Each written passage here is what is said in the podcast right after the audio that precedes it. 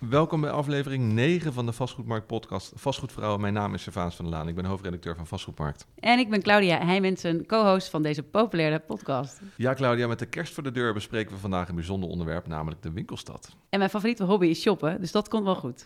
Dan hebben we genoeg uh, te bespreken. Zeker, want Marit weet alles van Winkelstad Nederland. Want waar gaan we het vandaag over hebben? Uh, we gaan het hebben over de Store as a Service. En uh, Redefco durft nee te zeggen. Ja, en we leren vandaag dat kijken, kijken en niet kopen helemaal oké okay is. Dus blijf luisteren. Ik heb er zin in. Ik ook. Let's go.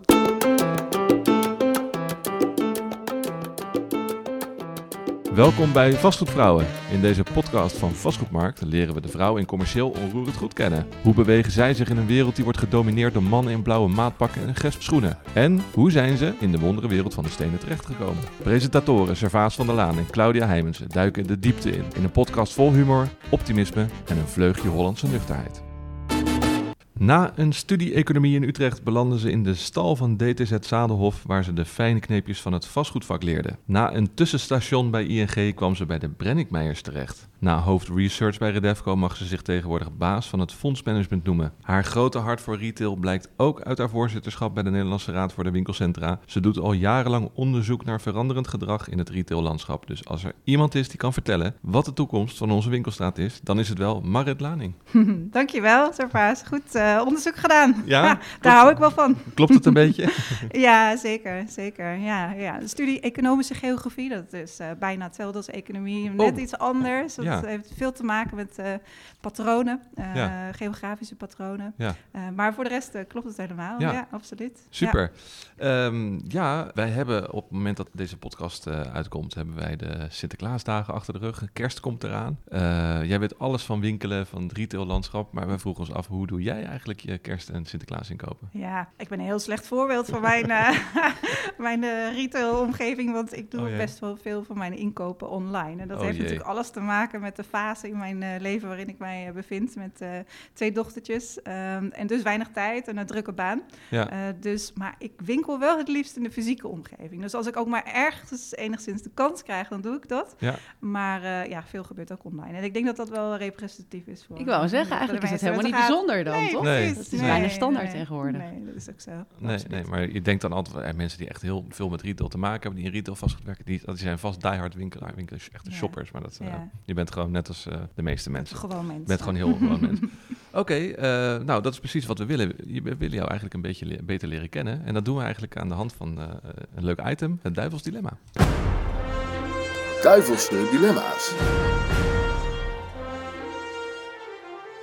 Ja, want de Duivels Dilemma's zijn bedacht om uh, jou iets beter te leren kennen, zowel zakelijk als privé. Uh, het zijn dilemma's, dus dat betekent dat je vooral een keuze moet maken. Ben je er klaar voor? Ja, zeker. Ben benieuwd. Uh, wijn of bier? Geen van beide, maar dat mag natuurlijk niet. ik drink geen alcohol, dus het is een heel lastig dilemma. Is, is, is ook een antwoord. Ja. ja. De Kalverstraat of de Koopgoot? Kalverstraat. De shoppingmall of de historische binnenstad? Uh, binnenstad. Een gerichte aankoop of juist dus meer fun en beleving? Fun en beleving. Uh, Galerie Lafayette in Parijs of Harrods in Londen? Oeh, Lafayette. Londen of Milaan? Londen. Een vaste huur of liever een, een onbezette huur?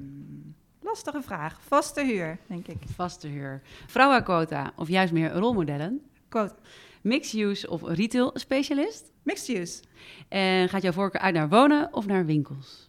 Uh, winkels. Maar toch wel steeds meer een beetje wonen, toch? Ja, absoluut. Zeker. Dat is eigenlijk natuurlijk... Uh, ja, bij Redefco hebben we natuurlijk een hele sterke historie in uh, retail. Dat is natuurlijk waar onze roots liggen en wat we nooit zullen verlogenen. Ja. Maar wat we natuurlijk zien, en zeker in de portefeuille waar ik verantwoordelijk voor ben, is dat er zoveel mogelijkheden zijn om die portefeuille een stuk breder te maken. Um, ja, en om steeds meer uh, tenderen naar mixed use. En dat is denk ik wel, uh, ja, daar gaan we natuurlijk vast zo meteen over praten. Een modeterm natuurlijk, hè? mixed use. Ja, en, uh, we doen er allemaal mee. geen, geen wijn of bier, bewuste keuze altijd al gedaan? Nee, ik ben eigenlijk nooit echt goed begonnen met alcohol drinken. ik heb het eigenlijk ook nooit echt gemist. Dus nee. ik heb het voordeel van geen kater de volgende dag. Goed. En ja. dat ik feestjes ook goed vol kan houden. Dus ik ben meestal wel de laatste, last women standing, maar de volgende dag ook weer fris. En pak je dan veel van die makelaarsborrels wel mee? Of zeg je nou, dat is ook niet mijn cup of tea? Vroeger absoluut, zeker. Toen ik nog met het Zadelhof werkte. Ja, precies. Ja, ja, ja, ja, zeker. Het was altijd heel gezellig. Hey, en je sluit het ander niet uit natuurlijk. Nee, nee, je, je twijfelde even bij Lafayette en Harrods. Waarom vond je die keuze moeilijk? ik vind het allebei heel, heel leuk. Hè? Dus uh, ja, de, de, de warenhuizen hebben natuurlijk een, maken een hele ja, belangrijke ontwikkeling door. Maar daar heb je natuurlijk wel hele bijzondere formules te pakken. Ja. Uh, die denk ik zeker voor de toekomst. Ja, we hadden CNA er nog tussen moeten zetten eigenlijk. Ja? Ja, ja CNA, Gallery uh, of, ah, ja. of ja. CNA of de Bijenkorf. CNA of de Bijenkorf ja, dan zal ik uh, vanuit persoonlijke overweging kiezen voor uh, de bijenkorf. Oh, ja. ja. Ja, en dat uh, heeft ja, denk ik alles te maken met de veelheid en type product dat ze daar verkopen, waar ik denk ik persoonlijk meer bij thuis voel. Maar ja, nou. CNA heeft natuurlijk ook een hele hoop te bieden voor wel heel mooi, veel mensen. Wel mooi dat je daar eerlijk op antwoordt.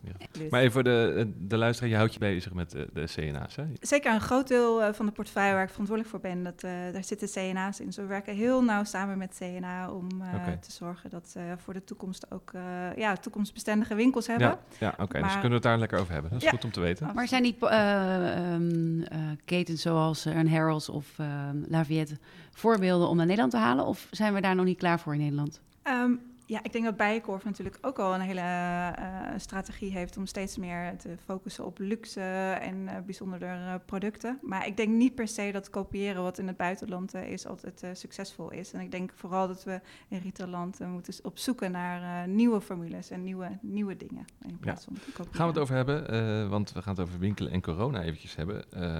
we hadden het er net al even over. Corona heeft ook nog eens een, zeg maar, nog een extra boost gegeven aan het online shoppen, wat we toch al een beetje deden voor corona. Vind jij dat per definitie een probleem voor de fysieke winkel? Nee, dat hoeft helemaal geen probleem te zijn. Je zult als retailer alleen je strategie moeten aanpassen. Uh, maar het hoeft geen probleem te zijn. Nee, zeker niet. Het is de toekomst. Dus uh, ja, dat, uh, die twee gaan steeds meer samen. En ik denk dat het steeds minder relevant wordt voor de retailer waar die aankoop plaatsvindt. Als mm -hmm. ze maar zorgen dat ze mensen kunnen binden.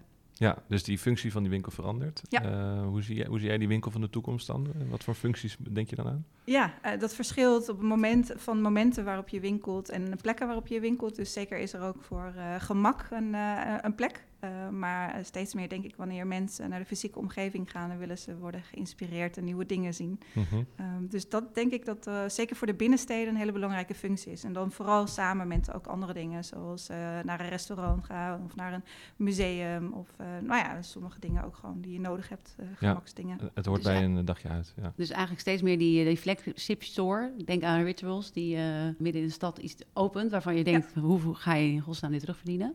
En dan zorgen dat je daarna online gevonden wordt. Is dat een Precies. beetje de toekomstige concept? Dat is het. En ook zeker dat er steeds andere dingen gebeuren in de winkel. Zodat je als uh, mens steeds weer terug wil om te kijken wat er nu weer uh, is. En dat je nieuwe dingen kunt ontdekken. Ik denk dat dat heel belangrijk is. Uh, dat mensen steeds vermaakt worden en geprikkeld worden. Ja. Dat is denk ik maar dan is het dus niet erg dat, dat de hele Kalverstraat bezocht wordt door mensen die geëntertained willen worden. Maar uiteindelijk zonder pakketje naar huis gaan? Nee, dat hoeft op zich niet erg te zijn wanneer ze daarna uh, die brands ook weer online kunnen vinden. En ik denk eerlijk gezegd dat dat niet zo gaat zijn. Want je ziet ook in die winkels dat er juist heel veel wordt aangekocht. En ook die impulsen altijd heel belangrijk zijn voor de omzet is toch het, uh, een Hollandse ja. in kijken, kijken, niet kopen komt dan. Uh, dat vind ik ja. helemaal, helemaal oké. Okay, vind je dat? Ja, wel interessant eigenlijk, want we zijn altijd bang dat die, die winkels niks meer verkopen. Dat iedereen massaal thuis dat toch voor één tientje goedkoper online koopt. Maar eigenlijk de impuls aankopen, die maken het verschil. Zeker. Ik denk dat uh, zeker met de impuls aankopen mensen over het algemeen ook best wel veel besteden. Dus het is helemaal niet zo dat ze alleen maar dan kijken en kijken. Want dat is vaak natuurlijk vergelijkend winkelen. Hè, naar iets waar je heel gericht naar op zoek bent. Maar juist in die winkels gaat het ook om nieuwe dingen zien, uh, verrast worden, ja. uh, vermaakt worden. En, en dan ben je op dat moment, uh, denk ik, ook heel erg bereid om dingen te kopen. Ja. Maar zie je dan verschil tussen de, de reden van aankopen? Is het impuls aankopen misschien toegenomen ten opzichte van gericht aankopen? Of juist andersom door corona? Ja. Ja, dat verschilt heel erg uh, naar het type omgeving natuurlijk. Je hebt bepaalde gebieden die juist uh, zich uh, inrichten op heel erg convenience. En dat is ook waar je dat soort gedrag dan veel ziet. Maar ik denk zeker dat wanneer mensen naar de binnensteden gaan, ze natuurlijk juist gaan om een dag uit te gaan en een dag leuke dingen te zien. En dan verwachten ze dat ook. En dat is denk ik heel belangrijk, dat de winkels ook daar zich op aansluiten, op wat mensen verwachten te vinden. Wat is jouw favoriete binnenstad in Europa? In Europa, ja, dat zijn er best wel veel, moet ik zeggen. Londen vind ik heel erg leuk. Madrid ben ik afgelopen week nog geweest, vond ik fantastisch. Uh, maar in Nederland hebben we ook hele interessante steden. Amsterdam, Rotterdam gebeurt het ook heel erg veel. Utrecht, waar ik zelf woon. En wat maakt een goede binnenstad? Dat er verschillende gebieden zijn uh, met verschillende type uh, retailers en type ondernemers. En dat het niet alleen maar uh, de standaard uh, line-up met retailers is, maar dat er ook ja, gebiedjes zijn waar je kan rondstruinen, nieuwe dingen kan ontdekken, verrassingen. Ja. ja. En dat het ook niet allemaal heel kunstmatig voelt. En dat is natuurlijk een beetje wat ik zie als de tegenhanger van, de, de winkelcentrum zeg maar. ten, ten opzichte van de winkelstraat. De winkelstraat is in principe nooit af. Hè, er zijn altijd rafelrandjes. Ja. die rafelrandjes die maken het heel interessant. Je noemde Rotterdam, daar heb je natuurlijk de koopgoot. Dat is gewoon de plek, daar ga je kopen. Dus dat is de... dat, Absoluut, daar weet je wat je vindt. Daar weet je wat je vindt, ja. zeker. Is, vind je dat een goed voorbeeld van een winkelstraat? Of zeg je dat is een beetje achterhaald, dat idee? Um, nou, ik denk dat het heel efficiënt is. Het is in dat opzicht uh, voldoet het aan de verwachting. maar niet, ik denk niet heel dat verrassend. Niet, ik denk dat het, als het alleen maar dat zou zijn, uh, dan denk ik dat de stad niet geslaagd zou zijn. Maar Rotterdam is wat dat betreft een veelheid aan verschillende type gebieden. En dat maakt het juist dan weer heel interessant. Ja, ja, ik heb het ook idee dat ze het hebben geprobeerd in andere steden, de koopgroot. Bijvoorbeeld in Amersfoort had je een kleine variant. En dan zie je toch dat het, dat het niet werkt, zo'n mm. uh, dubbeldekvloer. Heeft het dan weer te maken met... Nodig. Ja, het heeft schaal nodig dan. Absoluut, ja. zeker. Ja. En je hoort, ook, je hoort ook steeds meer dat bedrijven eigenlijk, um, je, als je bijvoorbeeld kijkt naar Coolblue, de omgekeerde richting maken. Dus van internetbedrijven juist ook weer uh, stores openen. Ze zeggen, ja, die winkels zijn ook ons marketingproduct. Precies. Uh, Want je krijgt natuurlijk met online uh, gedrag, ja. dat je op een gegeven moment nog maar steeds dezelfde type consument trekt. En ook om, ja, in de, in de winkelstraat vind je natuurlijk veel breder type mensen. Dus als je nieuwe consumenten wilt trekken, dan heb je dat ook nodig. En ook als je op een andere manier natuurlijk wilt laten zien en aan je, aan je brand wilt bouwen, is dat heel erg belangrijk. Hoe ga je er dan als verhuurder mee om? Hè? We, we noemen volgens mij net al omzethuur. Dat is natuurlijk ingewikkeld bij een, als het een marketingproduct is. Hoe kijk je daar ja, maar dat we graag een vaste huur. oh, een vaste huur, oké. Ja, niet per se altijd. Ja. Uh, maar kijk... Eh, nou, wanneer, misschien kan je uitleggen, wanneer, wanneer heeft het wel zin en wanneer heeft het geen zin? Als het alleen maar een middel is om je kosten naar beneden te brengen, uh, de omzethuur, dat betekent het eigenlijk dat je gewoon geen uh, goed businessmodel hebt. Dan denk ik, dan geloof ik er niet in. Als het is omdat je dingen wilt experimenteren of omdat je samen met de verhuurder en de huurder data wilt delen en samen beter wil begrijpen wat er wel goed gaat en wat er niet goed gaat, dan kan er zeker, een, uh, uh, kan er zeker meerwaarde in zitten. En dan heb je misschien weer schaal nodig, want dan moet je kunnen verplaatsen binnen een, binnen een mol kan ik me iets bij voorstellen. Dat zou kunnen. Dus je ziet het heel erg veel inderdaad ja. uh, in winkelcentra. Zie je dat in de binnensteden niet. Kijk, zelfs als het gaat om marketing, dan heeft het nog steeds een marktwaarde natuurlijk. Hè? Mhm. En dat is natuurlijk wat de vaste huur dan uh, vertegenwoordigt. Dat, is gewoon, dat is wat wij vinden, dat die locatie op zo'n moment uh, waard is. En het maakt niet zoveel uit of het voor marketing is of andere doeleinden. Maar we kennen Redefco natuurlijk ook als een maatschappelijk betrokken bedrijf. stel je voor, je zegt ook al, de bakker om de hoek, die, die wordt steeds belangrijker. Ja, die kan die huren natuurlijk niet betalen op die, op die grote locatie. Hoe gaan jullie daar dan mee om als verhuurder? Ja, zeker. Dat is een goed onderwerp dat je dat aansnijdt. Want inderdaad, waar we mee bezig zijn bij Redefco... is ook na te denken over nieuwe type businessmodellen. En wat we zien is dat er een hele nieuwe generatie ondernemers is... die best heel erg graag een winkel wil hebben... of een, een deel van een winkel. Maar ten eerste de lange termijn huren niet kan opbrengen... omdat ze niet zo lang in de toekomst kunnen kijken... of de hele grote investeringen in de fit-out niet kunnen opbrengen. En daarom zijn we bezig om een concept te ontwikkelen... Het, Store as a Service, zoals we dat noemen, waarin je eigenlijk de nieuwe generatie ondernemers wel een plek kan geven door dat wij alvast investeren in de winkel, eigenlijk een winkel aanbieden die uh, kant en klaar is, waar ze zo in kunnen oh ja. uh, voor een kortere termijn. Maar dat voor ons ook weer allerlei voordelen biedt, want het biedt natuurlijk commercieel gezien een, een, een, een andere, ja, ander type ondernemer, wat we denken dat heel interessant is voor de consument. Maar ook op gebied van duurzaamheid kunnen we hiermee veel meer sturen, want wij bepalen nu wat voor materiaal we gebruiken in die winkel. En ook doordat we allerlei data... hergebruiken. Precies, kun je hergebruiken. Ja, niet elke zeven jaar naar de, naar de En dat zijn dus korte termijn contracten dan, begrijp ik. Meer een pop-up-achtig uh, Dat zou, ja, zou Want as a service ken ik als dat je het elke maand kan opzeggen, zeg maar.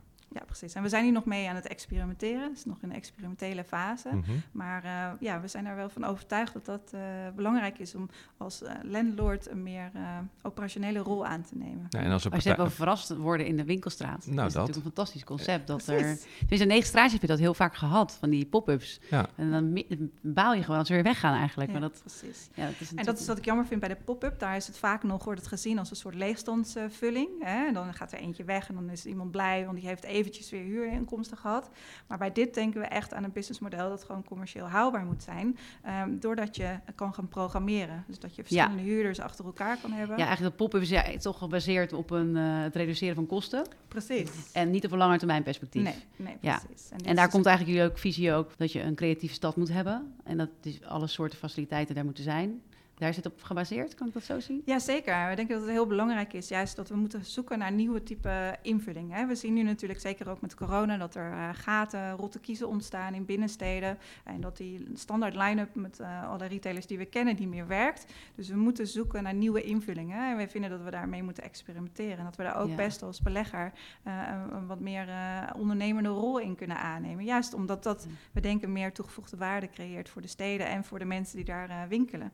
En, en is dat, hou je daar ook mee uh, de posities vast? Want wat je nu dus ook ziet, is dat er een tendens komt van... Nou, laten we al die winkels dan maar transformeren naar wonen. Mm Maar ja, terug ga je ze nooit meer transformeren, lijkt mij. Dus dan ben je het ook kwijt voor de lange termijn. Maar dat doen jullie ook, toch? Transformeren zeker, naar woningen. Zeker, ja. maar wat, waar we dan, met die transformatie het gaat het voornamelijk om de bovenste vloer. Hè? Kijk, wat mhm, we zien is dat vroeger retail natuurlijk over vijf of zes uh, Ja, dat is niet meer van deze tijd. Dat is niet meer van deze nee. tijd. Nee, precies. Dus misschien de, de kelder, uh, begane grond en de eerste verdieping, dat is prima. Dat zal altijd retail blijven, denken we. Zeker op die echt sterke plekken. Ja. Maar wat daarboven gebeurt, daar kun je natuurlijk heel flexibel mee zijn. Dan kun je ook kantoren of een uh, hotel of een hostel of een, nou ja, een school misschien wel. Maar denk je dan ook, want ik loop wel eens door een winkelstraat en dan zie ik daar die, zeg maar die, die appartementen appartementen denk van, wil je dan helemaal echt in High Street, willen mensen daar wonen? Ja, zeker. Dat is best wel heel erg veel vraag naar. Ja? Ja, ja zeker.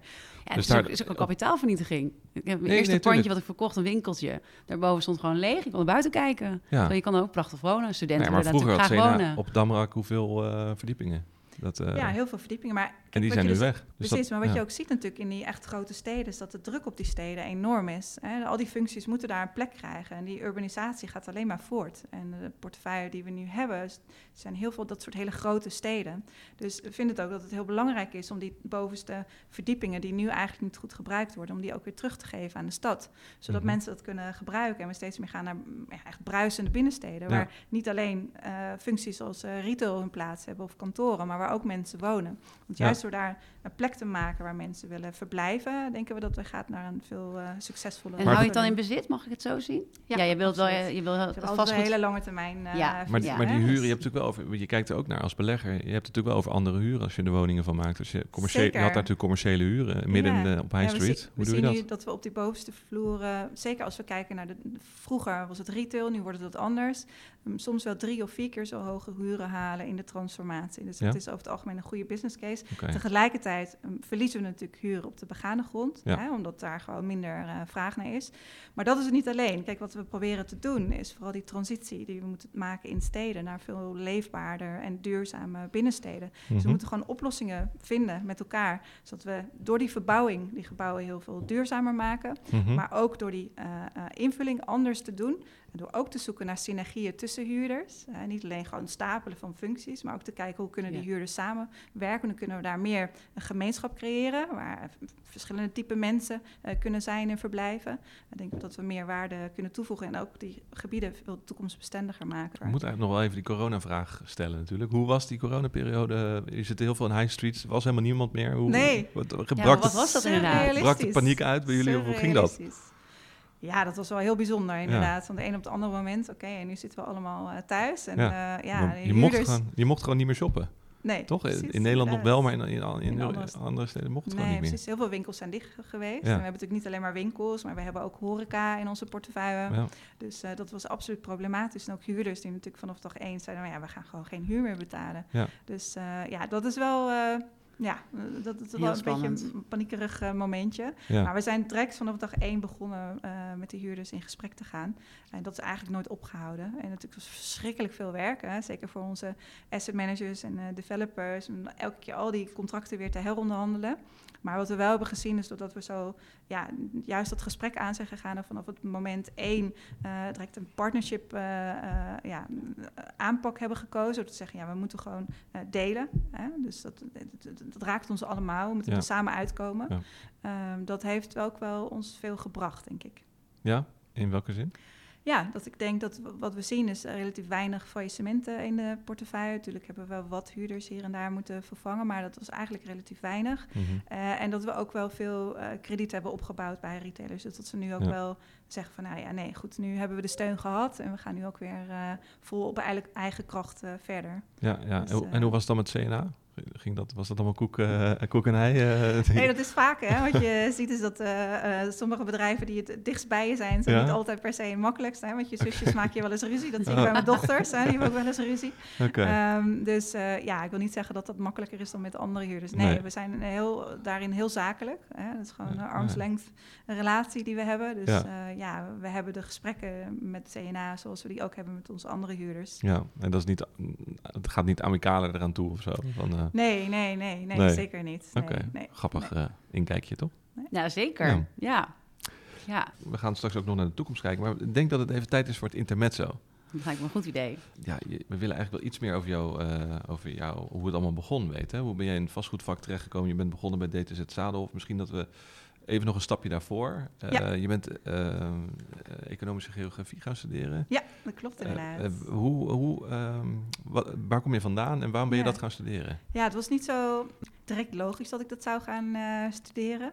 Um, ik wilde eigenlijk wat violist worden. Ah. dus ik heb vroeger altijd heel veel viool gespeeld. Ik ben op mijn vijfde begonnen, in een orkest gezeten. Ik was eigenlijk heel ja, serieus mee bezig, heel veel tijd in gestopt en ging ook heel goed. Ehm, en ik geniet er nog steeds van. Maar op een gegeven moment dacht ik wel, nou ja, oké, hoe, hoe, hoe, hoe, ziet een carrière zeg maar, in de muziek er dan uit? En was ik toch bang dat het best wel een, een, een eenzaam beroep zou zijn. Omdat je natuurlijk heel veel alleen zou moeten studeren. En ik dacht, ja, kijk, het allermooiste zou zijn als je solist zou kunnen worden. Uh, nou, de kans dat ik dat maak, mm, niet zo heel erg uh, groot, denk ik. Um, ja, is het dan het waard, de tijd allemaal alleen studeren? En kan ik het dan niet beter als hobby houden? Dus dat heb ik uiteindelijk besloten. En ik had gewoon heel veel brede interesses. Eigenlijk uh, wilde ik fysische geografie gaan studeren. Ik was altijd enorm geboeid door vulkanen, aardbevingen en alles wat er in, in, in, ja. in, de, in, de, aarde, gebeurt. Ja, ja maar dat heb ik niet gedaan. Uiteindelijk moest ik wat exacte vakken laten vallen. Kiezen overgaan of dat laten vallen. Dus toen dacht ik, oké, mijn nicht die studeerde sociale geografie dat leek me ook heel interessant en toen ben ik dat gaan doen en daar heb ik nooit spijt van gehad. Ehm, maar ik moet zeggen, ik heb wel zo'n brede interesse dat ik vast met andere studies ook, uh, ook goed was uitgekomen. Maar ja. het heeft me wel echt geboeid. Ja. En, en wat specifiek?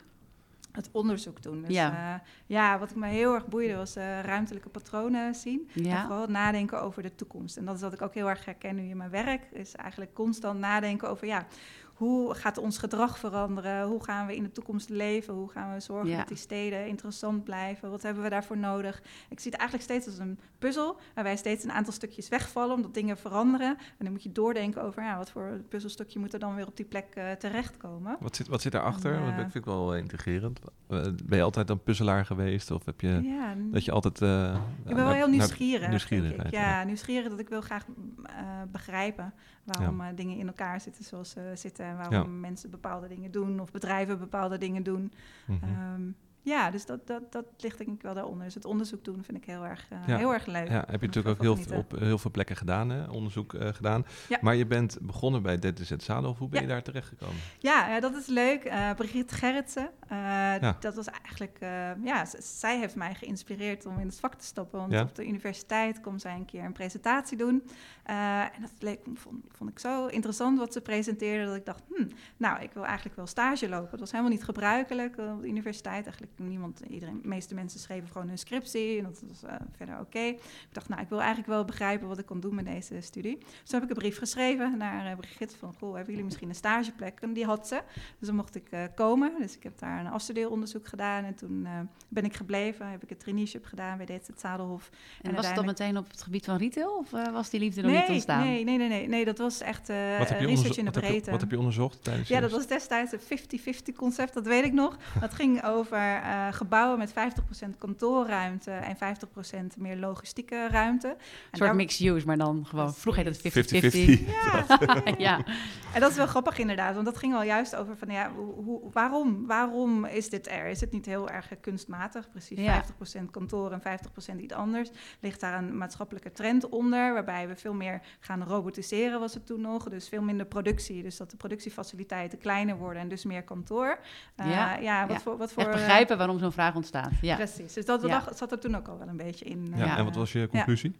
Ja, het was wel heel aanbodgestuurd. Dus het werd heel erg uh, vanuit de gemeente van... oké, dit staat in het bestemmingsplan, dus dat is mogelijk. En dan was het aan, vanuit de andere kant erg winstmaximalisatie. Ja, ja, uh, dus dat was toch enigszins uh, teleurstellend. Dat er redelijk, ja, nou ja, misschien wel begrijpelijk... maar toch wel misschien een beetje plat antwoord uitkwam. Maar ik heb er wel heel veel van geleerd. Maar wat bracht je ertoe daar te blijven? Dat, ja. was toch iets wat je die, in die, tijdens die stageperiode hebt gezien of wat je zo ontzettend leuk vond dat je dacht, hier wil ik in door. Ja, ik vond die researchafdeling echt fantastisch. Ik vond, ja, uh, ja sowieso uh, ja, hoe Brigitte dat deed met het team. Er was heel veel uh, data natuurlijk, verschillende ja, altijd kwamen er hele interessante vragen vanuit de makelaardij die de makelaars niet konden oplossen. Er werd dan gevraagd aan de researchafdeling van kunnen jullie helpen om een antwoord daarop te formuleren. Dus dat betekent dat ik heel erg in de breedte uh, de vastgoedmarkten leerde kennen. Dus naar kantoren keek, de logistiek, nou ja, een beetje retail, van alles. En dat ging van conceptontwikkeling tot haalbaarheidsstudies, tot monitoren voor uh, gemeenten. Um, ja, dus heel snel eigenlijk uh, de diepte in. En er was nooit eenzelfde antwoord. Dus dat was elke keer weer een puzzel oplossen. Ja, ja. en was er toen al een onderzoek waardoor je dacht, uh, retail dat is toch wel meer mijn ding dan bijvoorbeeld woning of uh, logistiek of andere? Nee, ik was destijds vooral internationaal heel erg actief. Dat, dat uh, pakte me toen al wel heel erg. En ik was ook bezig met beleggingen. dus dat is eigenlijk meer waar ik op voortgeborduurd ben daarna. Wat bedoel je met, je was bezig met beleggingen? Ik had dus verschillende specialisaties. Ja, je deed daar onderzoek dus naar. Deed, ja. ja. precies. Onderzoek naar beleggingen, portefeuilleanalyses, dat soort dingen. En internationaal. En uiteindelijk werd ik hoofd ook van uh, DataZ Groep voor EMEA Noord. Dus dat waren veertien landen. Dus die, die interesse was wel snel. Maar ik was nog wel echt een generalist in de zin van dat het alle sectoren bij elkaar waren. En eigenlijk mhm. pas bij ING, later bij ING Real Estate Development, dat ik uh, meer de retail uh, in ben gedoken. ja. Wat mij opvalt is dat uh, destijds data eigenlijk al de basis legde voor heel veel. En nu horen we het overal. Hè? Elke makelaar wil, wil zich daarop op onderscheiden. Je, je was, Maaike zei het ook weer. En, uh, ja, je was er eigenlijk heel goed bij, want, inderdaad. Want we hebben het hier over... wanneer was dit? Ja, 2003. 2003? Ja, ja, ja nou, precies. Nou, dan ben je er vroeg bij geweest. Dus, uh, en en uh, wat, wat heb je in die periode geleerd eigenlijk bij de DTZ Zadelhof? Iets wat je de rest van je carrière altijd hebt meegenomen? Ja, ik heb bij DTZ Zadelhof heel veel kansen uh, gekregen. En dat is denk ik wel heel erg, ja, was heel mooi in dat bedrijf. Is dat over het algemeen jonge mensen veel verantwoordelijkheden kregen. En daardoor, ja, dat is wel wat ik geleerd heb, dat je door gewoon door in het diepe te springen ook heel veel kan leren. Um, en goed te luisteren en goed te begrijpen waarom dingen wel of niet werken. En natuurlijk ja, is het ook niet altijd makkelijk. Hè? Eh, vanuit de onderzoekskant natuurlijk in een heel uh, commercieel bedrijf. Maar ik denk dat de samenwerking daar op dat moment wel heel, heel goed was en daar veel goeds uit uh, voortkwam. Ja. ja. Zie je vergelijkingen met waar je nu zit? Vind je je nieuwe huidige rol? Ja, ik denk dat we hier nog meer um, research gedreven beslissingen nemen. Ja. Um, dus ik denk dat de strategie bij Redefco wel heel erg ja, onderbouwd tot stand komt. Um, ja, en daar was het natuurlijk meer reactief. Natuurlijk deden we ook uh, ja, uh, wel onderzoek naar onderwerpen die we heel interessant vonden, dat ook wel. Maar ja, ik denk dat je natuurlijk als belegger heb je een andere, andere functie. Hè? Dus dat, dat, ja, dat denk ik dat wel, klopt. Wel ja. Ja. Ja. Onder, ja, daar ben ik wel benieuwd naar. Onderzoek je dan echt andere dingen als belegger dan? Want die makelaar moet natuurlijk ook een opdracht vaak voor beleggers bijvoorbeeld dingen weten. Ja, dus... kijk, hier ben je natuurlijk bij Redefco vooral bezig onderzoek te doen naar hoe kunnen we de portefeuilles op de beste manier vormgeven. En bij uh, adviesorganisatie, zoals DZ Zadel of nu natuurlijk uh, Cushman, is het natuurlijk ook heel belangrijk om um, ja, nieuws te brengen. Hè, om headlines uh, te creëren, om uh, prikkelend uh, te zijn. Ja, dus eigenlijk jullie zitten helemaal niet te wachten op transacties, terwijl een ander dat misschien wat meer wil. Ja, ik denk dat het belangrijk daar is om, om, om aandacht te krijgen. Natuurlijk gebruik je het ook als een publicitair uh, om te middel. publiceren, ja. ja. ja. En natuurlijk ook om goed te adviseren. Maar ik denk dat we bij Redefco natuurlijk de publiciteit heel veel eigenlijk van ondergeschikt belang is. Hier is het echt, hoe kunnen we zorgen dat we goed rendement halen voor onze investeerders. Nou, ik ben dus wel blij dat je aan deze eh, podcast aan, aanschuift. Uh, ja. ja, precies. Want anders dan, wisten we dat allemaal niet. En ja, dan Redefco, hoe ben je uiteindelijk bij Redefco? Kan je daar wat meer over vertellen terechtgekomen? Waarom eh, ja, Redefco sprak me eigenlijk direct heel erg aan. Dus na een periode bij uh, ING Real Estate Development, dat een vrij turbulente periode was natuurlijk. Oh, welke periode eh, was dit? Ja. ja. ik denk dat ik ongeveer de laatste persoon ben die is aangenomen daar. Oh, echt? Ja, ja dus ik was aangenomen om te helpen een team op te bouwen. Uiteindelijk en af te was bouwen. Het vooral, precies, was het vooral afbouwen. Maar wel leerzaam ook, denk precies, ik. Precies, dat was het wel. Ja. Kun je even iets, iets meer vertellen aan de luisteraar over die periode? Misschien nog wel even. Ja, ik zat bij Real Estate We hebben veel jonge luisteraars ook, die hebben natuurlijk helemaal geen idee. Ja, ja, het imperium van ING destijds. Dat is natuurlijk een enorm bedrijf. Ik zat bij ING Real Estate Development, wat uh, toen een hele grote portefeuille had met allerlei uh, ontwikkelingen in allerlei verschillende sectoren.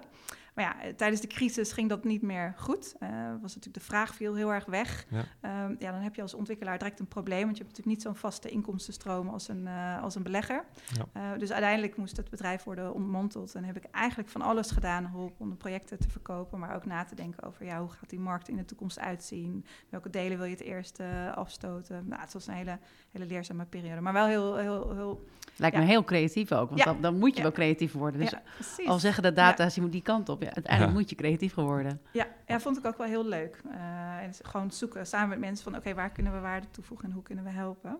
Maar daarna ja, wilde ik natuurlijk ook wel... Uh, bouwen weer aan uh, ja, vooral inhoudelijke bagage. Dat is wel denk ik een rode draad in mijn carrière. Dat ik altijd op zoek ben naar nieuwe uitdagingen... of hoe ik mezelf kan ontwikkelen. Ja. En daar zag ik bij Redefco een heel goede uitdaging. Het was natuurlijk wel op zich wel een mooie uitdaging dan. Zo'n bedrijf dat in elkaar stort, dat was toch al eigenlijk, daar leer stiekem toch het meeste van. Heel veel geleerd, absoluut. Ja. Kan je één ding noemen of je denkt, nou, dat is echt goud geweest voor mij? Het bedoelt, wat die periode was niet goud, maar dat je die les daar hebt geleerd. Ja, wel, ja, welk project of iets? Ja. ja, dat is vooral inzicht, denk ik. Dat er eh, toen natuurlijk begonnen al wel dingen te schuiven. En het was duidelijk dat de retailprojecten minder goed gingen. Maar toen was er uh, zeker nog eh, een rotsvast geloof in dat de woningmarkten nooit, maar dan ook nooit, een neergaande beweging zou gaan uh, zien. Nou, herkenbaar met nu. Nou, ja, ja, precies. Ja, dat klopt inderdaad. Ja. Ja, ja, let, let goed op, luisteraars. Ja. ja, dus ik denk dat dat is wel iets wat ik heel goed in mijn oren heb geknoopt. Dus, Alles gaat altijd nooit, een keer. Precies. Denk nooit dat dingen niet kunnen veranderen. Ja. Het kan altijd veranderen. En uh, altijd open blijven, signalen van alle kanten. Ja, het lijkt dat dus, mensen zijn altijd zo simpel eigenlijk. Ja, tenminste, eh, mensen denken altijd, als het slecht gaat, zal het altijd wel slecht blijven gaan. met retail is dat die dat sentiment is altijd al heel lang negatief. En die woning is nu al heel lang positief. Denk, nou, dat, zal, dat blijft altijd wel veilig, woningen. Terwijl ooit was dat natuurlijk helemaal omgekeerd. Absoluut, zeker. Ja. Ja. Ja. Dus dat gaat ook wel. retail, retail is natuurlijk wel heel zichtbaar. Als je straks door de stad loopt en uh, het is niet open... of je ook maar één pand leeg op de Kalverstraat... dan, dan ja. dan valt het meteen op. Ja, ik denk dat, dat ook wel... Uh, doet pijn in je ogen, die, die, die bordjes uh, te huur natuurlijk. Hè? Dat, ja, maar dat is heel zichtbaar voor mensen. Ja, ja. dat is ook zo. Ja.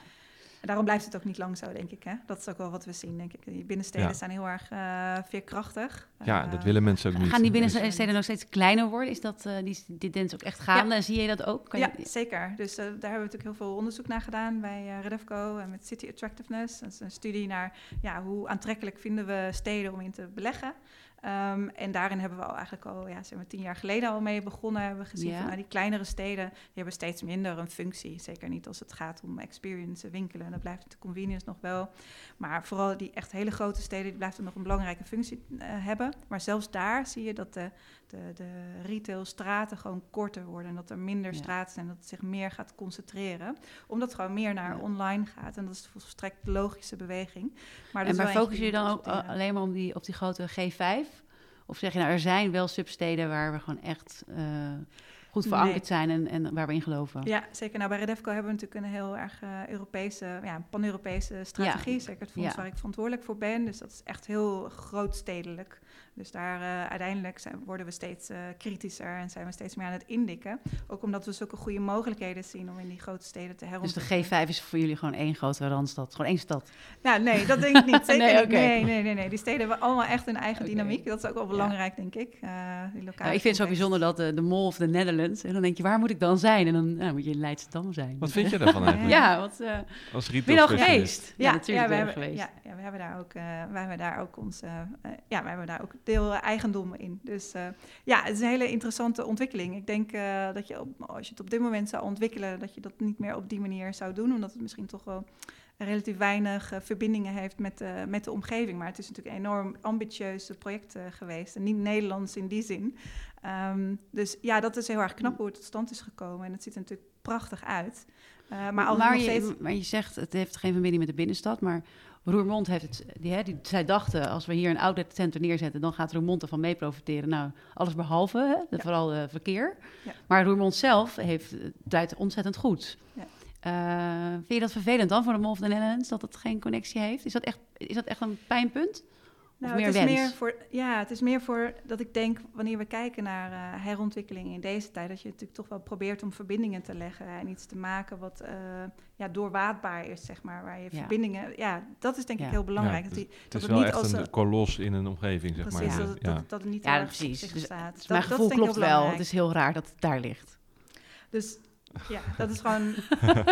nee, je gaat er echt met de auto naartoe. Hè? Ja, dus, zeker. Dus, dat is maar, echt maar, een... be, maar best veel. Het draait best aardig, toch? Jullie hebben daar Het is een bestemming op zich. Ja. Hè? Dus dat is... Uh, tuurlijk, tuurlijk heeft het een functie. Maar als je mij vraagt, van, goed, waar, waar ligt je hart? Hè? Binnenstedelijke herontwikkeling of die winkelcentra. Dan denk ik dat het heel belangrijk is dat we goed nadenken over hoe we onze steden inrichten. En dat dit soort ontwikkelingen natuurlijk uiteindelijk ook de kosten kunnen gaan van de leefbaarheid in, in binnensteden. Is dat zelf, maar, denk je, voor Den Haag? Is, gaat dit ten koste aan de leefbaarheid in... Nou, het is meer in zijn algemeenheid. Als ik kijk naar uh, ook de internationale ontwikkelingen natuurlijk, zeker in uh, Frankrijk, maar in Spanje zijn natuurlijk, ja, dan zie je dat shopping center developments natuurlijk heel erg grote vlucht heeft genomen en zeker heeft dat ook een plaats.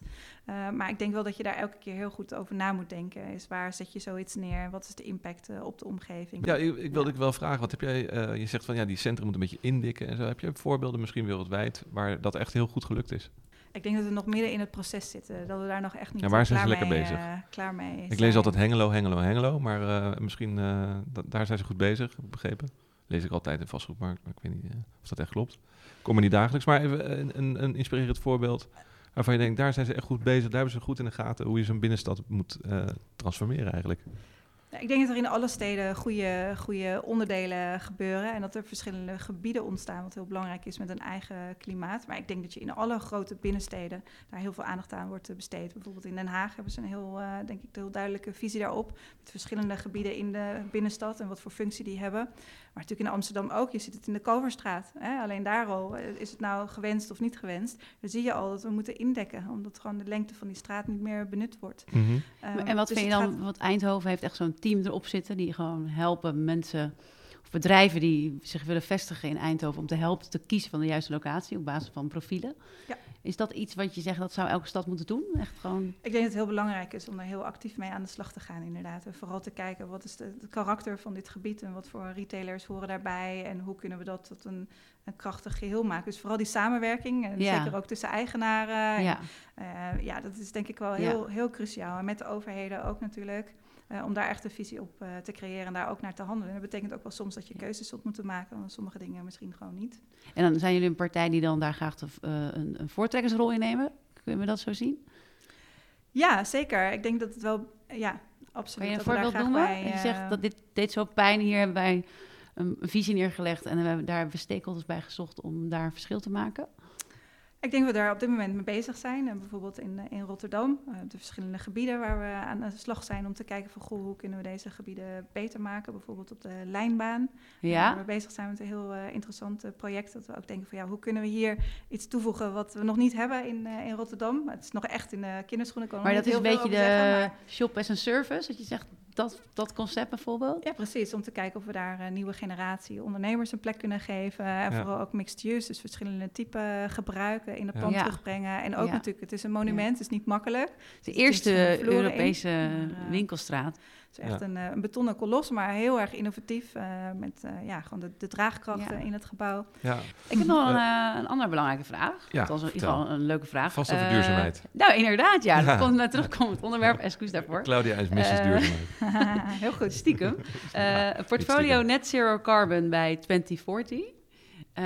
Je gaf net al aan, het is heel belangrijk om, om, om duurzaam te zijn. En zou je iets kunnen vertellen over hoe je dat doet in samenwerking met die, met die huurders om, om jullie eigen ESG-doelstellingen te halen? Ja, ja, ja goede vraag. Ja, we hebben binnen de portefeuille dus best heel veel projecten de komende tijd. Dus de komende zes jaar ja, gaan er denk ik wel een stuk of dertig projecten ontstaan. Wat natuurlijk een enorme kans is voor ons om die gebouwen duurzamer te maken en meer te laten aansluiten op wat mensen zoeken. En hoe we dat doen is vooral voor elk project een, uh, heeft een eigen aanpak. We gaan natuurlijk uh, aan de slag met adviseurs, met architecten, kijken wat de mogelijkheden zijn, ook hoe we in veel gevallen kunnen hergebruiken van wat we kwijt moeten. In sommige gevallen, bijvoorbeeld in Hamburg, zijn we, zullen we een gebouw moeten afbreken. En dan proberen we ook materiaal zoveel mogelijk te hergebruiken. ja, dus elk project heeft zijn eigen aanpak. We hebben natuurlijk een heel, heel team daarop uh, zitten. We hebben natuurlijk uh, Sustainable Business Operations, wat heel vroeg uh, wordt aangehaakt. We hebben natuurlijk lokale teams, lokale asset development en management teams. Die werken samen met Sustainable Business Operations om na te denken over hoe krijgen we die gebouwen zo, ja. Maar is het dan zo dat een, een, huurder meldt zich, wil graag in jouw pand huren en die zegt je, nou, je mag hier alleen huren als je deze en deze keuzes maakt qua fithout? Of ehm, uh, help je ze daarbij? Hè? Het is ook een soort uh, nou, green lease in dat opzicht. Maar... Ja, we gaan heel actief het gesprek aan uh, met de huurder. We, we, brengen samen de mogelijkheden in kaart. Van, goh, wat, wat zouden we kunnen doen om dit gebouw ook voor de huurder aangenaam te maken, maar ook misschien om een stap verder te brengen. Want ook voor huurders is het soms niet altijd makkelijk om te weten wat ze zullen moeten doen. en we proberen daar juist in te stimuleren. Dus we zullen niet onze wil per se overal opleggen, maar we zullen wel kijken naar huurders die we misschien minder duurzaam vinden of die daar minder op letten, van ja, dat worden we wel steeds kritischer in. Ja, ja goed, willen we dat in de toekomst nog wel op die manier? En hoe staat dat uh, concept uh, te boeken? Kijken we ook erg naar, ja, ook aan meerdere dingen. Ook uh, inclusiviteit, hoe staat een, een, merk bekend in de markt? En is dat iets waar we ons mee willen afficheren? Ja, want ga je dan ook aan de voorkant al selecteren? kan, een, een, kleine ondernemer, die heeft er misschien helemaal geen kijk op. Die weet helemaal niet wat duurzaamheid is. Ja, misschien als die de krant leest. Dus, ja, en, is en, vaak ook ingewikkeld voor een kleine ondernemer. Ja, en Hennis ja. Mouders heeft daar hele strategieën op losgelaten. Want ze moeten wel, maar ik kan me voorstellen dat die, dat, dat ook lastig is om die twee te dus bedienen. Ze verschil tussen uh, niet willen en niet kunnen. ik denk natuurlijk bij een kleine ondernemer die daar misschien uh, weinig kaas van heeft gegeten, die kunnen we natuurlijk heel goed helpen. Ja. Maar wanneer de bereidheid is om daar je in te verdiepen en met ons mee te werken, hoeft dat absoluut geen probleem te zijn. Dat is denk ik juist waar we veel impact kunnen hebben, is om samen die verbetering tot stand te brengen. Maar bedoel je dan net te zeggen van als een bedrijf zich associeert met niet duurzaamheid, dan wil ik ze liever niet als huurder? Nou, als een, als een huurder zegt dat hij daar helemaal niet in geïnteresseerd is, dan zullen we ons wel achter de oren krabben van, goh, is dit inderdaad wat we willen? Hè? En natuurlijk... Kunnen we niet de relatie hebben die je zou willen hebben met een klant? Ja, dan zullen we wel heel actief het gesprek aangaan en blijven aangaan. Of vind ik wel stoer. Uh, nou, ik vind het wel fascinerend. Dat, dat eigenlijk op allerlei manieren, op die manier duurzaamheid, inclusiviteit, dat soort dingen wordt afgedwongen door, door partijen. Hè? Dat je eigenlijk, je, je moet, want anders kan je gewoon geen pand meer huren. Je krijgt geen financiering meer. Hè? Dus je, je wordt ja. Op die manier wordt iedereen uh, in het gereel gehouden eigenlijk. Ja, en ik denk dat het heel belangrijk daarin is om een heel open vizier te hebben. Hè. Natuurlijk, wij zijn daarin niet bedweterend of met het vingertje, hè, dat helemaal niet. We proberen mhm. alleen gewoon samen met onze huurders een verbetering tot stand te brengen bij elke herontwikkeling die we doen. Ik denk onwillekeurig ook wel, dus ik heb niet zoveel verstand van, maar van de kledingfabrikanten, die staan natuurlijk ook niet bekend als de meest duurzame uh, partijen. Uh, hoe kijk je daar dan naar? Dus er zijn toch wel heel veel kledingwinkels. Ja, zeker, zeker. Maar er zijn ook wel heel veel huurders die er wel heel veel aan doen. Ga je dan dus, geen, uh, geen kledingwinkels toepassen meer? Dat lijkt me voor Redefco vrij lastig. Ja, maar dat is precies wat ik uh, zeg. Is, kijk, wij zullen niet uh, bij voorbaat huurders uitsluiten. Maar we kijken natuurlijk wel naar wat, wat, wat doen ze en wat kunnen wij in dit gebouw doen. Wij gaan niet de business van onze huurder veranderen. Wij zijn natuurlijk geen kledingproducent. Nee, wat we nee, wel kunnen doen. Je zei net wel van we kijken wel naar wat, hoe dat bedrijf bekend staat en dergelijke. Als die toch ja, op dat gebied van duurzaamheid met kleding fabrikage en dergelijke uh, niet echt stappen maakt. Ja, maar dan vooral kijken we naar, oké, wat, wat doen ze in hun gebouw? Dus als ze helemaal niet geïnteresseerd zijn om met ze samen te werken om een gebouw duurzamer te maken, ja, dan mhm. zullen we natuurlijk zeggen van, oké, daar zijn we minder in, uh, in geïnteresseerd. Je kijkt wel echt naar duurzaamheid in het gebouw, niet duurzaamheid van het verdienmodel van, het, van de huurder. Ja, nou ja, natuurlijk als we daar kunnen kiezen en er is een, eh, een, een huurder die ook zijn businessmodel heel duurzaam heeft, ja, dan zullen we daar absoluut voor kiezen. Ja. Ik liep dan vandaag door de straat en toen zag ik een winkel helemaal hip op vintage. Dat, dat is voor mij ook een enorme uh, hype. Ja. Is dat ook iets wat we straks veel meer gaan zien? Die duurzaamheidswinkels waar je eigenlijk niet meer, meer heen kan? Ja, dat tweedehands, ja. Ja, ja, dat is toch een, ja, maar een no-brainer. Vroeger had je natuurlijk episodes zat ver weggestopt in die, in die rafelrandjes van de stad. En nu zit het gewoon prominent op de winkelstraat van Nederland. Ja, kringlopen is ook hip. Ja. Echt. ja, maar hergebruik van dingen, absoluut. Ja. Dat zie je, wel eens met de kringloop? Wel eens, niet zo vaak, maar wel eens. Ja, Moet je doen, is heel hip. Ja. Um, nou ja, dat is toch een uh, consumptiemaatschappij ten top natuurlijk. Nou ja, ik vind het een no-brainer. Ik bedoel, waarom zouden we alles uh, maar één keer gebruiken? Ja. Uh, we gaan naar de vraag van de vorige vastgoedvrouw. Onze vorige gast aan tafel was uh, Dojanne Vermeulen. Uh, ken je haar? Nee, niet persoonlijk. Niet persoonlijk. Allicht een van haar projecten. Ja. Ze werkt nu aan het hoogste hybride gebouw van Nederland, Hout. Zij heeft de volgende vraag voor jou. Stel dat we veel meer online blijven winkelen, hè, wat we allemaal toch heel veel gedaan hebben. Wat moet er dan wel in een stadscentrum komen om toch een prettig levendige stad te maken. Dus wat gaan we dan doen? De winkelstad van de toekomst. Ik denk dat de focus niet zo erg ligt op winkelen alleen. Winkel is een, winkelen is een onderdeel van dingen die je doet als je naar een stad gaat. Um, dus dat het daarin minder prominent zal zijn in de hoeveelheid tijd die mensen daarin uh, besteden. Maar dat juist de combinatie met uh, horeca of cultuur of nou ja, leisure, alle dingen die je kunt doen, dat je juist daarvoor naar een stad kan. En dat we ja, omgevingen maken waar, waar mensen dat willen doen. Dat is denk ik wat de stad van de toekomst succesvol maken. Niet alleen maar retail in de binnenstad.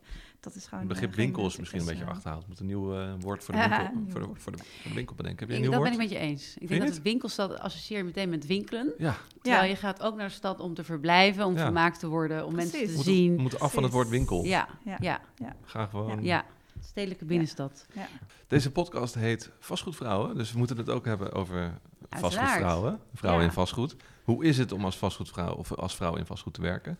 Dat kan ik niet weten, dat kan ik alleen maar vragen aan, uh, aan jou. Hoe is het voor jou om uh, in dit wereldje te werken als vrouw? Heb je, heb je daar... Ja, het is enorm boeiend. Ik, uh, ik geniet erg van mijn carrière en van mijn werk. Ja, ik zie mezelf niet echt als een typische vastgoedvrouw. Ja, ik weet niet. Daar heb je natuurlijk dan een, bepaalde connotatie ja, wat, bij. Ik wat, weet wat is die connotatie dan? Ja. We hebben nog wel podcasts ja. gemaakt. Ja, jij dan een typische vastgoedvrouw? Wat is die? vast...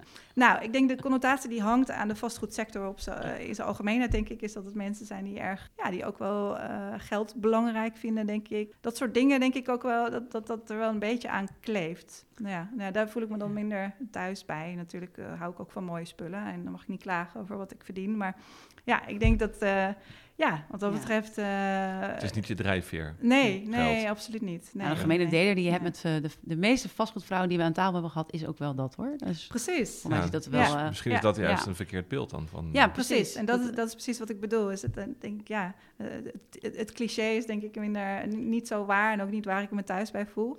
Nou, dan uh, de podcast sowieso al geslaagd, want we laten dus zien dat het absoluut niet alleen maar om geld gaat, maar ook om die maatschappelijke waarde. Ja, ja. Ik ben benieuwd als we dan een podcast vastgoed mannen gaan doen, dan heeft iedereen, het gaat alleen maar om geld. We willen maar geld Precies, en die mooie auto.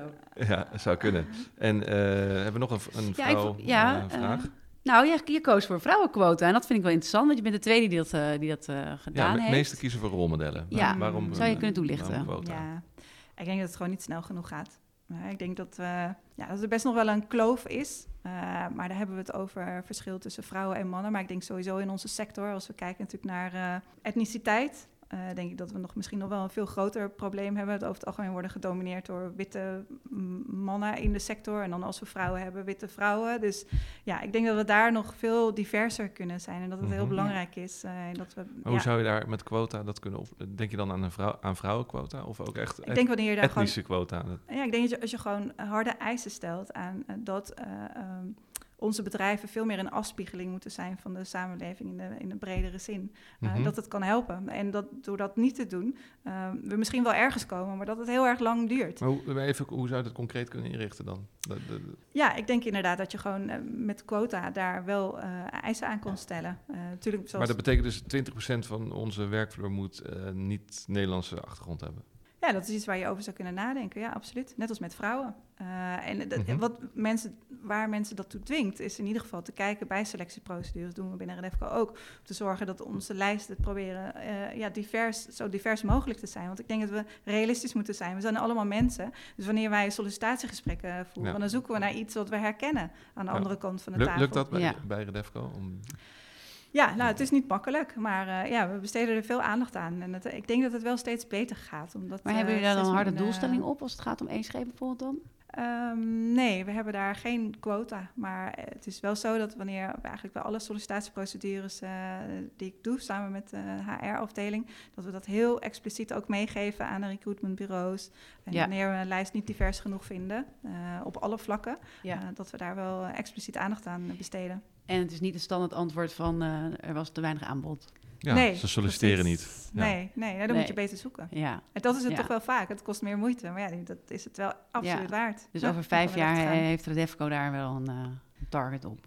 Ik denk, ja, als ik zie wat er... Een target op, ik denk dat we dan in ieder geval... Um, al veel diverser zijn dan dat we vandaag zijn. Omdat ik zie dat er heel erg veel moeite ingaat. En ook zie met mensen die worden aangenomen dat dat uh, steeds diverser wordt. Ja.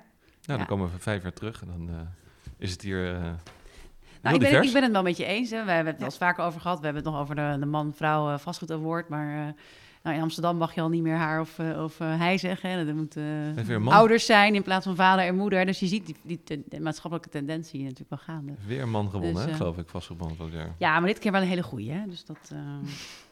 Heb je nog tips voor andere luisteraars die zeggen: uh, Ik zou graag het vastgoed in willen gaan? Uh, ik, ik, weet het eigenlijk nog niet. Uh, moet zij allemaal die brief gaan schrijven naar Brigitta voor een stage? En dat, is dat jouw advies? Of wat voor tips zou je kunnen meegeven? Um, gewoon die eerste stap maken en mensen benaderen. En dan zul je zien dat het niet zo eng is als het lijkt, misschien. Maar ik denk ook dat er een rol is uh, vanuit ons, hè, inderdaad, om toch wel die rolmodellen te creëren en ook uh, te zorgen dat je jonge mensen binnenhaalt en een kans geeft. Dat is denk ik wel heel belangrijk, want ook die opbouw hè, in zo'n bedrijf is heel belangrijk. Wat, dat je wat, je, wat ook bij DTZ Zadenhof gebeurde eigenlijk, zei in het begin Precies, van deze podcast. zo'n uh, trainee-programma, dat is enorm waardevol ja. geweest, omdat je dan direct zo'n hele groep mensen hebt die allemaal ja, een beetje zich in dezelfde fase bevinden. En ja, dat biedt enorme kansen. Ja, tot slot, speel je nog wel eens viool? Ja, heel af en toe. Maar af en toe met mijn dochter. Die doet het nu, dus dat ja? is... Uh, ja, zeker. Maar niet zo... Het mag geen naam hebben. Het talent zit in de familie. dus het wordt gewoon doorgegeven talent. En wil ze later ook violiste worden? Nee, dat verandert nog wel wat ze wil worden. Volgens mij is het laatste modeontwerpster. Dus, oh, ja. Uh, nou, dat uh, lijkt me ook heel leuk. Toch die retail, hè? Toch de retail. Ja, precies. ja.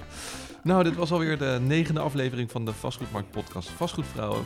Je vindt deze podcast in je favoriete podcast app. Vind je deze podcast interessant of leuk? Deel hem dan met collega's, vrienden, kennissen en familie via de socials. Dankjewel voor het luisteren en graag tot de